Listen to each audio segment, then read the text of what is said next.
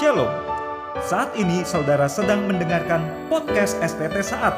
Podcast ini berisi penyampaian firman Tuhan yang bukan hanya akan memperluas pemahaman iman, namun juga akan mentransformasi kehidupan saudara. Kami berdoa dan kami percaya saudara akan diberkati. Dari STT Saat Malang, selamat mendengarkan. Saudara mari kita buka firman Tuhan yang terambil dari Roma 6 ayat 1 sampai 14. Roma 6 ayat 1 sampai dengan 14. Saya akan bacakan bagi saudara-saudara sekalian. Demikianlah firman Tuhan. Jika demikian, apakah yang hendak kita katakan kepada kata Paulus kepada jemaat di kota Roma? Bolehkah kita bertekun dalam dosa supaya semakin bertambah kasih karunia itu? Sekali-kali tidak. Bukankah kita telah mati bagi dosa? Bagaimanakah kita masih dapat hidup di dalamnya? Atau tidak tahukah kamu bahwa kita semua telah dibaptis dalam Kristus, telah dibaptis dalam kematiannya? Dengan demikian kita yang telah dikubur bersama-sama dengan dia oleh baptisan dalam kematiannya supaya sama seperti Kristus telah dibangkitkan dari antara orang mati oleh kemuliaan Bapa, demikian juga kita akan hidup dalam hidup yang baru. Ayat kelima, sebab jika kita telah menjadi satu dengan apa yang yang sama dengan kematiannya, kita juga akan menjadi satu dengan apa yang sama dalam kebangkitannya. Karena kita tahu bahwa manusia lama kita telah turut disalibkan supaya tubuh dosa kita hilang kuasanya agar jangan kita menghambakan diri lagi kepada dosa. Sebab siapa yang telah mati, ia telah mati dari dosa. Dan siapa, jadi siapa? Jadi jika kita telah mati dengan Kristus, kita percaya bahwa kita akan hidup dengan dia. Karena kita tahu bahwa Kristus sesudah ia bangkit dari antara orang mati, tidak mati lagi Maut tidak berkuasa lagi atas dia. Sebab kematiannya adalah kematian terhadap dosa satu kali untuk selama-lamanya dan kehidupannya adalah kehidupan bagi Allah. Demikianlah hendaknya kamu memandangnya. Bahwa kamu telah mati bagi dosa dan kamu hidup bagi Allah dalam Kristus Yesus. Sebab itu hendaklah dosa jangan berkuasa lagi dalam tubuhmu yang fana supaya kamu jangan lagi menuruti keinginannya. Dan janganlah kamu menyerahkan anggota-anggota tubuhmu kepada dosa untuk dipakai sebagai senjata kelaliman, tapi serahkanlah dirimu kepada Allah sebagai orang yang dahulu mati tetapi yang sekarang hidup. Dan serahkanlah anggota-anggota tubuhmu kepada Allah untuk menjadi senjata-senjata kebenaran. Sebab kamu tidak akan dikuasai lagi oleh dosa karena kamu tidak berada di bawah hukum Taurat tetapi di bawah kasih karunia. Saudara beberapa tahun yang lampau, seorang gembala yang mengundang saya berkhotbah sebelum kebaktian berkata begini, Pak, di Singapura ada pendeta terkenal, tapi ajarannya sesat sekali Pak. Masa dia berkata sekali diselamatkan tetap diselamatkan. Apa pun yang dia buat tetap diterima Allah masuk surga kalau dia meninggal dunia. Saudara-saudara perkataan Bapak Pendeta itu mengutip ajaran yang sesat sekali diselamatkan tetap diselamatkan. Apa pun perbuatannya kalau orang percaya meninggal pasti diterima Allah di surga. Saudara ajaran yang dianggap sesat oleh gembala sidang itu nampaknya akrab saudara dengan doktrin keselamatan yang kita yakini. Bahwa keselamatan itu cuma karena anugerah tidak pernah ada satu perbuatan baik yang diperhitungkan Allah. Saudara dari sini kita bisa menduga Bapak Gembala Sidang itu bukan orang reform dan tidak meyakini teologi Calvin saudara atau dia bukan Calvinis. Namun walaupun demikian saya melihat ada poin positifnya saudara dari kekhawatirannya. Dia sangat khawatir ajaran yang seperti itu, saudara, membuat orang Kristen itu hidup sembarangan. Tidak peduli dengan tita-tita Tuhan, melakukan dosa dengan ringan, dan kemudian meminta ampun dengan keyakinan, toh pasti diampuni. Kalau meninggal dunia, pasti diselamatkan. Saudara-saudara, apa yang dikhawatirkan Bapak Pendeta itu sebetulnya juga merupakan kekhawatiran yang ada di dalam diri orang-orang Kristen di kota Roma, khususnya orang-orang Kristen Yudais. Yang berasal dari Yahudi, saudara. Yang sekian tahun sebelum jadi Kristen memahami Taurat dengan ketatnya. Mereka khawatir sekali ajaran yang mereka dengar dari Paulus bahwa keselamatan itu hanya anugerah Allah semata-mata akan memicu orang-orang Kristen untuk hidup sembarangan, melakukan dosa seenak-enaknya, Saudara. Saya melihat poin positif itu, Saudara. Mungkin ininya menjadi salah satu sebab, Saudara. Paulus menulis dalam ayat 1 sampai 5 berbicara tentang doktrin keselamatan dahulu, Saudara bahwa betul-betul manusia hopeless dan helpless dengan usahanya sendiri untuk mencapai surga nanti saudara diterima oleh Allah tidak akan mungkin kecuali keselamatan itu hanya anugerah di dalam Kristus Yesus setelah menulis dalam pasal 1 sampai 5 saudara memasuki pasal 6 Paulus mengantisipasi ada orang-orang yang pasti keberatan dengan ajaran keselamatan yang dia tulisnya oleh karena itu saudara Paulus mengungkapkannya di dalam ayat yang pertama saudara. Jika demikian apakah yang hendak kita katakan? Bolehkah kita bertekun dalam dosa supaya semakin bertambah kasih karunia itu? Bertekun dalam dosa, saudara bertekun itu epimeno saudara. Punya pengertian dalam present tense saudara. Apakah kita harus melakukan saudara dosa terus menerus? Dosa yang dilakukan terus menerus sampai sekarang dilakukan dan akhirnya jadi kebiasaan. Kan kasih karunia Allah tetap tersedia. Kalau saya pergunakan bahasa sehari-hari, bahasanya bisa jadi begini saudara. Kalau memang kasih karunia Allah itu menjadi semakin berlimpah-limpah ketika kita melakukan dosa, yuk rame-rame biarkan kita berbuat dosa. Toh tetap kasih karunia Allah tersedia. Saudara ini pikiran tidak waras tetapi logis. Kenapa tidak waras saudara? Karena bagaimana mungkin orang terpikir untuk mendapatkan kasih karunia Allah, anugerah Allah, pengampunan Allah itu dicapai dengan banyak-banyak melakukan dosa. Benar-benar pikiran edan yang tidak waras. Tapi logis. Kenapa logis? Karena Paulus sendiri berkata demikian saudara dalam Roma 5 ayat 20-21. Tetapi hukum Taurat ditambahkan supaya pelanggaran menjadi semakin banyak. Dan di mana dosa bertambah banyak, di situlah kasih karunia menjadi berlimpah-limpah. Ajaran Paulus seperti ini loh. Oleh karena itu saudara konsekuensi logisnya lumrah dong. Logis dong kalau ada orang yang berpikir kalau demikian supaya kasih karunia Allah makin berlimpah-limpah, yuk kita lakukan dosa sebanyak-banyaknya. Jadi saudara Paulus menulis lagi, bolehkah kita bertekun dalam dosa supaya semakin bertambah kasih karunia itu? Saudara dengan tegas Paulus menjawab di dalam dua ayat 2a, sekali-kali tidak. Dengan kata lain pemikiran itu sesat, pemikiran itu tidak beres, pemikiran itu tidak kudus, tidak boleh ada pikiran begitu. Sekali-kali tidak. Saudara kebanyakan kita pasti tidak sepaham dengan keyakinan gembala sidang tadi. Atau dengan orang-orang Kristen Yudais di kota Roma pada zaman Paulus. Kita meyakini ajaran keselamatan yang benar adalah diselamatkan karena anugerah. Bukan karena perbuatan. Oleh karena itu nanti kita diterima oleh Allah di surga bukan berdasarkan perbuatan kita. Baik yang baik ataupun yang jahat. Tidak ada sangkut pautnya.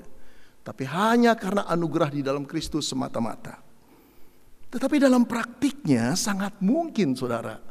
Ada banyak orang Kristen yang mengaku diri reform Calvinis yang meyakini keselamatan itu anugerah, tapi hidupnya seperti yang dicurigai atau dikhawatirkan oleh Bapak Pendeta itu. Hidup menyalahgunakan anugerah kasih karunia Allah yang berlimpah-limpah dengan melakukan dosa seenaknya, sesantainya. Toh nanti kita datang dalam pengampunan dosa, Tuhan memberi maaf lagi, memberi maaf lagi, dan memberi maaf lagi. Setelah hidup selesai, kita diterima di surga. Saudara, kemungkinan besar ada banyak orang Kristen seperti itu. Dan sebagian barangkali ada di tempat ini. Mungkin saudara, mungkin saya. Saudara kita punya keyakinan yang kokoh. Sebanyak apa pun dosa yang kita perbuat, karunia Allah pasti mendilitnya. Karunia Allah pasti mengampuninya. Sehingga kita begitu gampangnya melakukan dosa tanpa pergumulan sama sekali. Dan meminta ampun tanpa pergumulan dan rasa bersalah. Kita tahu toh Allah yang punya kasih karunia yang besar itu pasti mengampuni kita. Pasti menghapus dosa kita lagi. Lalu dengan keyakinan itu bolehkah? Sekali lagi pertanyaannya. Kita membiarkan dosa hidup di dalam diri kita. Paulus dengan tegas menjawab, tidak boleh. Kenapa saudara? Ini argumennya dia. Itu ditaruh ke peti mati, peti matinya kemudian dikubur, engkau hadir semua di situ. Engkau tidak percaya ini seperti mimpi, tapi realitas dia sudah mati. Saudara-saudara setelah penguburan selesai, orang-orang yang hadir di sana pulang, engkau pun pulang. Sesampai di rumah engkau duduk di sofa masih tidak percaya dengan fakta, dengan realitas bahwa sahabatmu telah meninggal dunia.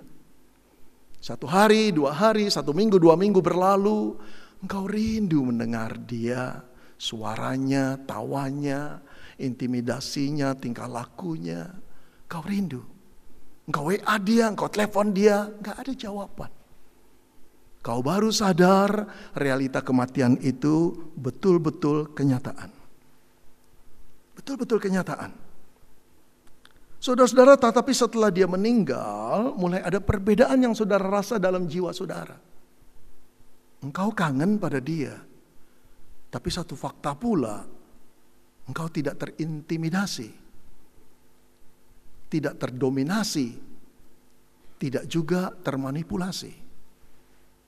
Saudara mulai rasa perbedaan ini ada dia dengan tidak ada dia. Engkau jadi manusia bebas karena apa? Karena dia telah mati. Saudara-saudara itulah sahabatmu. Sahabat dekatmu. Tentu engkau tahu namanya bukan? Namanya adalah manusia lama. The old man. Kita punya sahabat yang namanya manusia lama yang akrab, yang kita cintai, teman seperjuangan, melakukan banyak kenakalan dan kejijikan. Tapi dia telah mati. Bagaimana mungkin kita masih bisa hidup di dalamnya?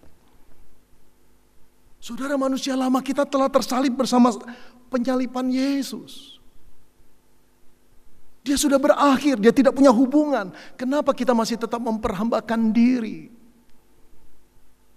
Tidak lagi saudara, tidak lagi, tidak lagi. Seharusnya tidak lagi. Sayangnya saudara, kita yang sudah mengalami pembebasan, seperti keluar dalam penjara, sering kali diam-diam masuk ke dalam penjara yang sama. Menikmati kegelapan, menikmati kenikmatan dan kesendirian di sana. Bodoh bukan? Akhirnya kita tidak menikmati pembebasan yang sesungguhnya. Menjadi orang Kristen yang selalu kalah, kalah, dan kalah lagi. Tapi ada hiburan bukan? Kasih karunia-Nya berlimpah-limpah. Kita tidak diancam oleh murka Allah. Kita akan tetap diterima di surga kalau kita mati nanti. Betul? Kasih karunia-Nya tidak pernah berdusta kepada kita. Kasih karunia-Nya tetap jadi bagian kita, tapi bodohnya kita tetap hidup walaupun orang bebas seperti orang hukuman terperangkap dalam dosa. Saudara pemahaman ini seharusnya mendorong aku tidak mau lagi jadi hambamu. Tidak, kau tidak punya hubungan lagi dengan aku. Saudara yang terakhir yang ketiga, apa dampak pemahaman bahwa kita telah mati bagi dosa bersama dengan kematian Kristus? Yang ketiga ini saudara. Hmm. Kita dapat hidup dalam hidup yang baru. Saudara rumusan ini saya dapati kembali ke ayat 4b saudara. Bunyinya demikian. Saya baca dari 4 ya, 4a. Dengan demikian kita telah dikubur bersama-sama dengan dia oleh baptisan dalam kematiannya. supaya sama seperti Kristus telah dibangkitkan dari antara orang mati oleh kemuliaan Bapa, demikian juga kita akan hidup dalam hidup yang baru. Saudara sekali lagi Paulus memakai penggambaran baptisan untuk menunjukkan saudara posisi orang percaya ketika mati kematian Kristus itu menjadi bagiannya. Bukan cuma pada kematiannya, tapi kebangkitannya pula, saudara. Pada waktu Kristus mati di dalam kematiannya, itu seperti kematian kita. Kita tidak lagi jadi hamba dosa, kita tidak lagi berada di bawah kuasa dosa. Tapi pada waktu dia bangkit, ini merupakan kebangkitan kita juga, saudara. Kemenangan Kristus merupakan kemenangan kita. Sehingga pada waktu kita dibangkitkan oleh Kristus, kita menjadi manusia baru yang dimiliki oleh majikan yang baru, bukan lagi majikan yang lama. Ini ibaratnya saudara kita beli motor, saudara beli motor ya, kita lah, karena saya juga pengen punya motor, tapi belum terkabulkan. Doakan ya.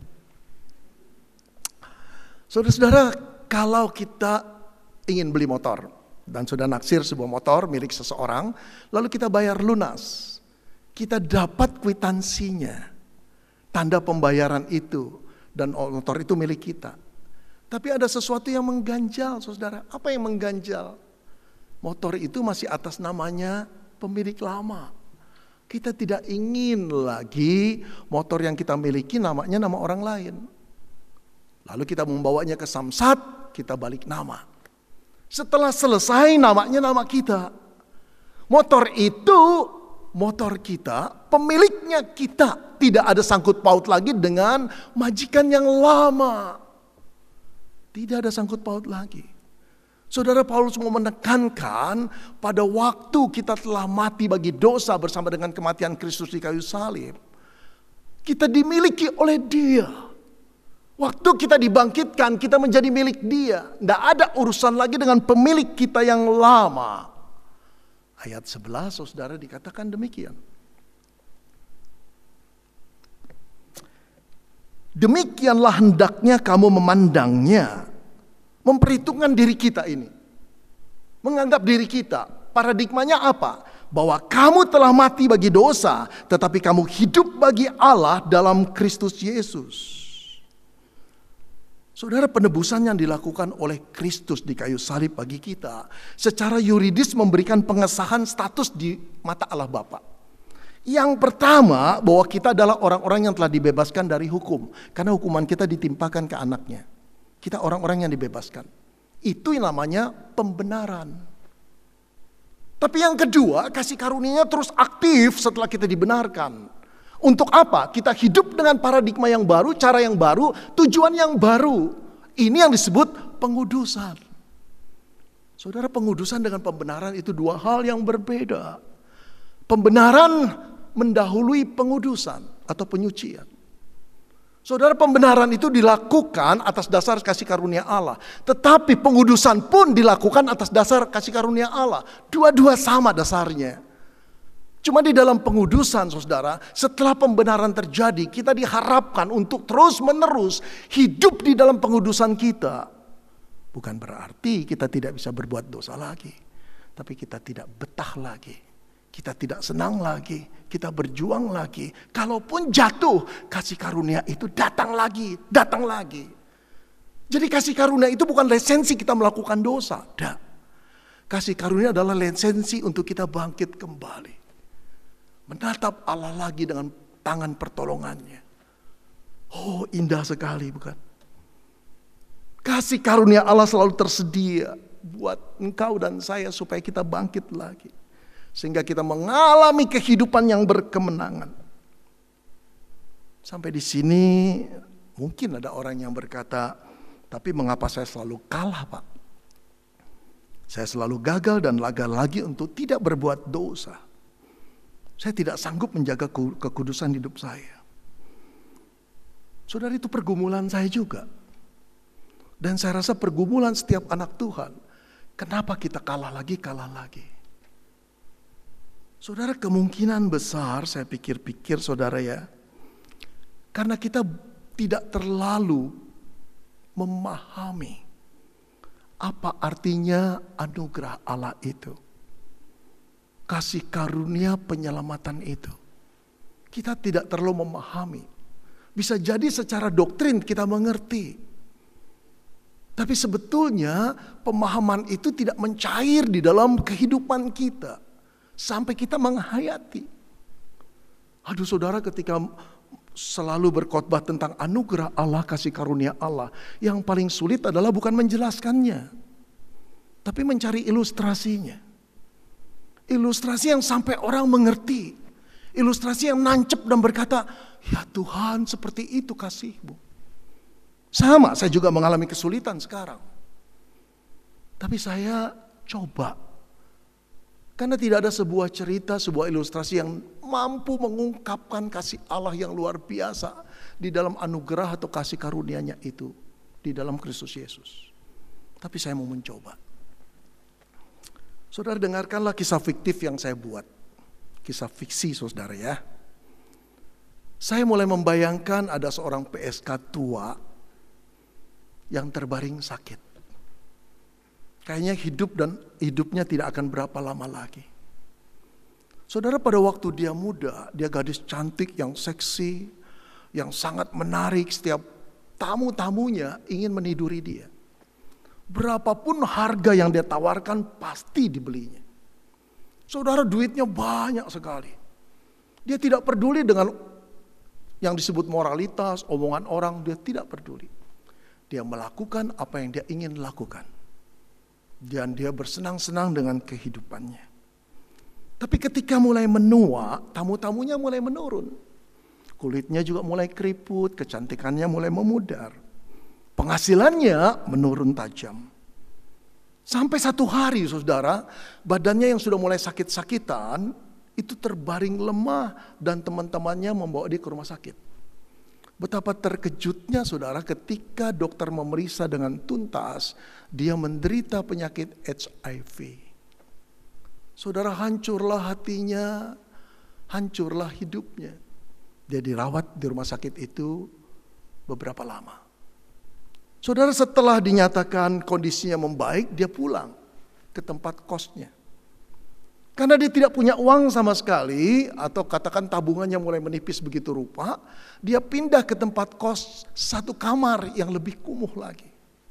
Saudara di sanalah dia terbaring lemah, menunggu ajalnya di dalam kesepian dan penyesalan yang tak berujung. Saudara satu hari datanglah seorang dokter dari puskesmas Dokter muda, ganteng, anak orang kaya, pandai, masa depannya cerah. Wow. Dia mendengar informasi ada PSK tua yang sakit HIV. Lalu dia kunjungi saudara, dia memeriksanya. Kemudian dia mulai mengobatinya dan merawatnya. Satu minggu, dua minggu, sampai satu tahun dokter itu seminggu dua kali tetap datang merawat PSK tua itu. Mulai terjadi persahabatan bukan cuma sekedar dokter dan pasien. Sebagai sahabat, sebagai teman. Saudara-saudara satu kali dokter muda itu menatap PSK tua yang tinggal kulit pembungkus tulang dengan tatapan yang sangat dalam dan serius. PSK tua itu mulai merasa ada sesuatu. Lalu dia berkata, dokter dokter muda itu berkata, aku ingin bicara denganmu. Sang peskatua menatap lalu berkata, dokter, dokter ingin bicara apa? Jujurlah padaku, aku sudah siap kok. Lalu dokter itu diam sejenak kemudian berkata, aku mencintaimu. Aku mengasihimu. Maukah engkau menjadi istriku dan hidup bersama dengan aku? Saudara mendengar perkataan dokter itu, melototlah mata PSK tua itu. Dia membalikan wajahnya, dia teriak, dokter kalau kamu tidak mau merawat aku, pergi. Tapi jangan hina diriku seperti itu. Nangislah sejadi-jadinya. Saudara dokter sekarang terkejut. Dengan respon seperti itu. Dia memegang tubuh wanita PSK tua itu dan berkata berkali-kali, "Aku mengasihimu. Aku sungguh-sungguh serius." Jadilah istriku dan hiduplah dengan aku.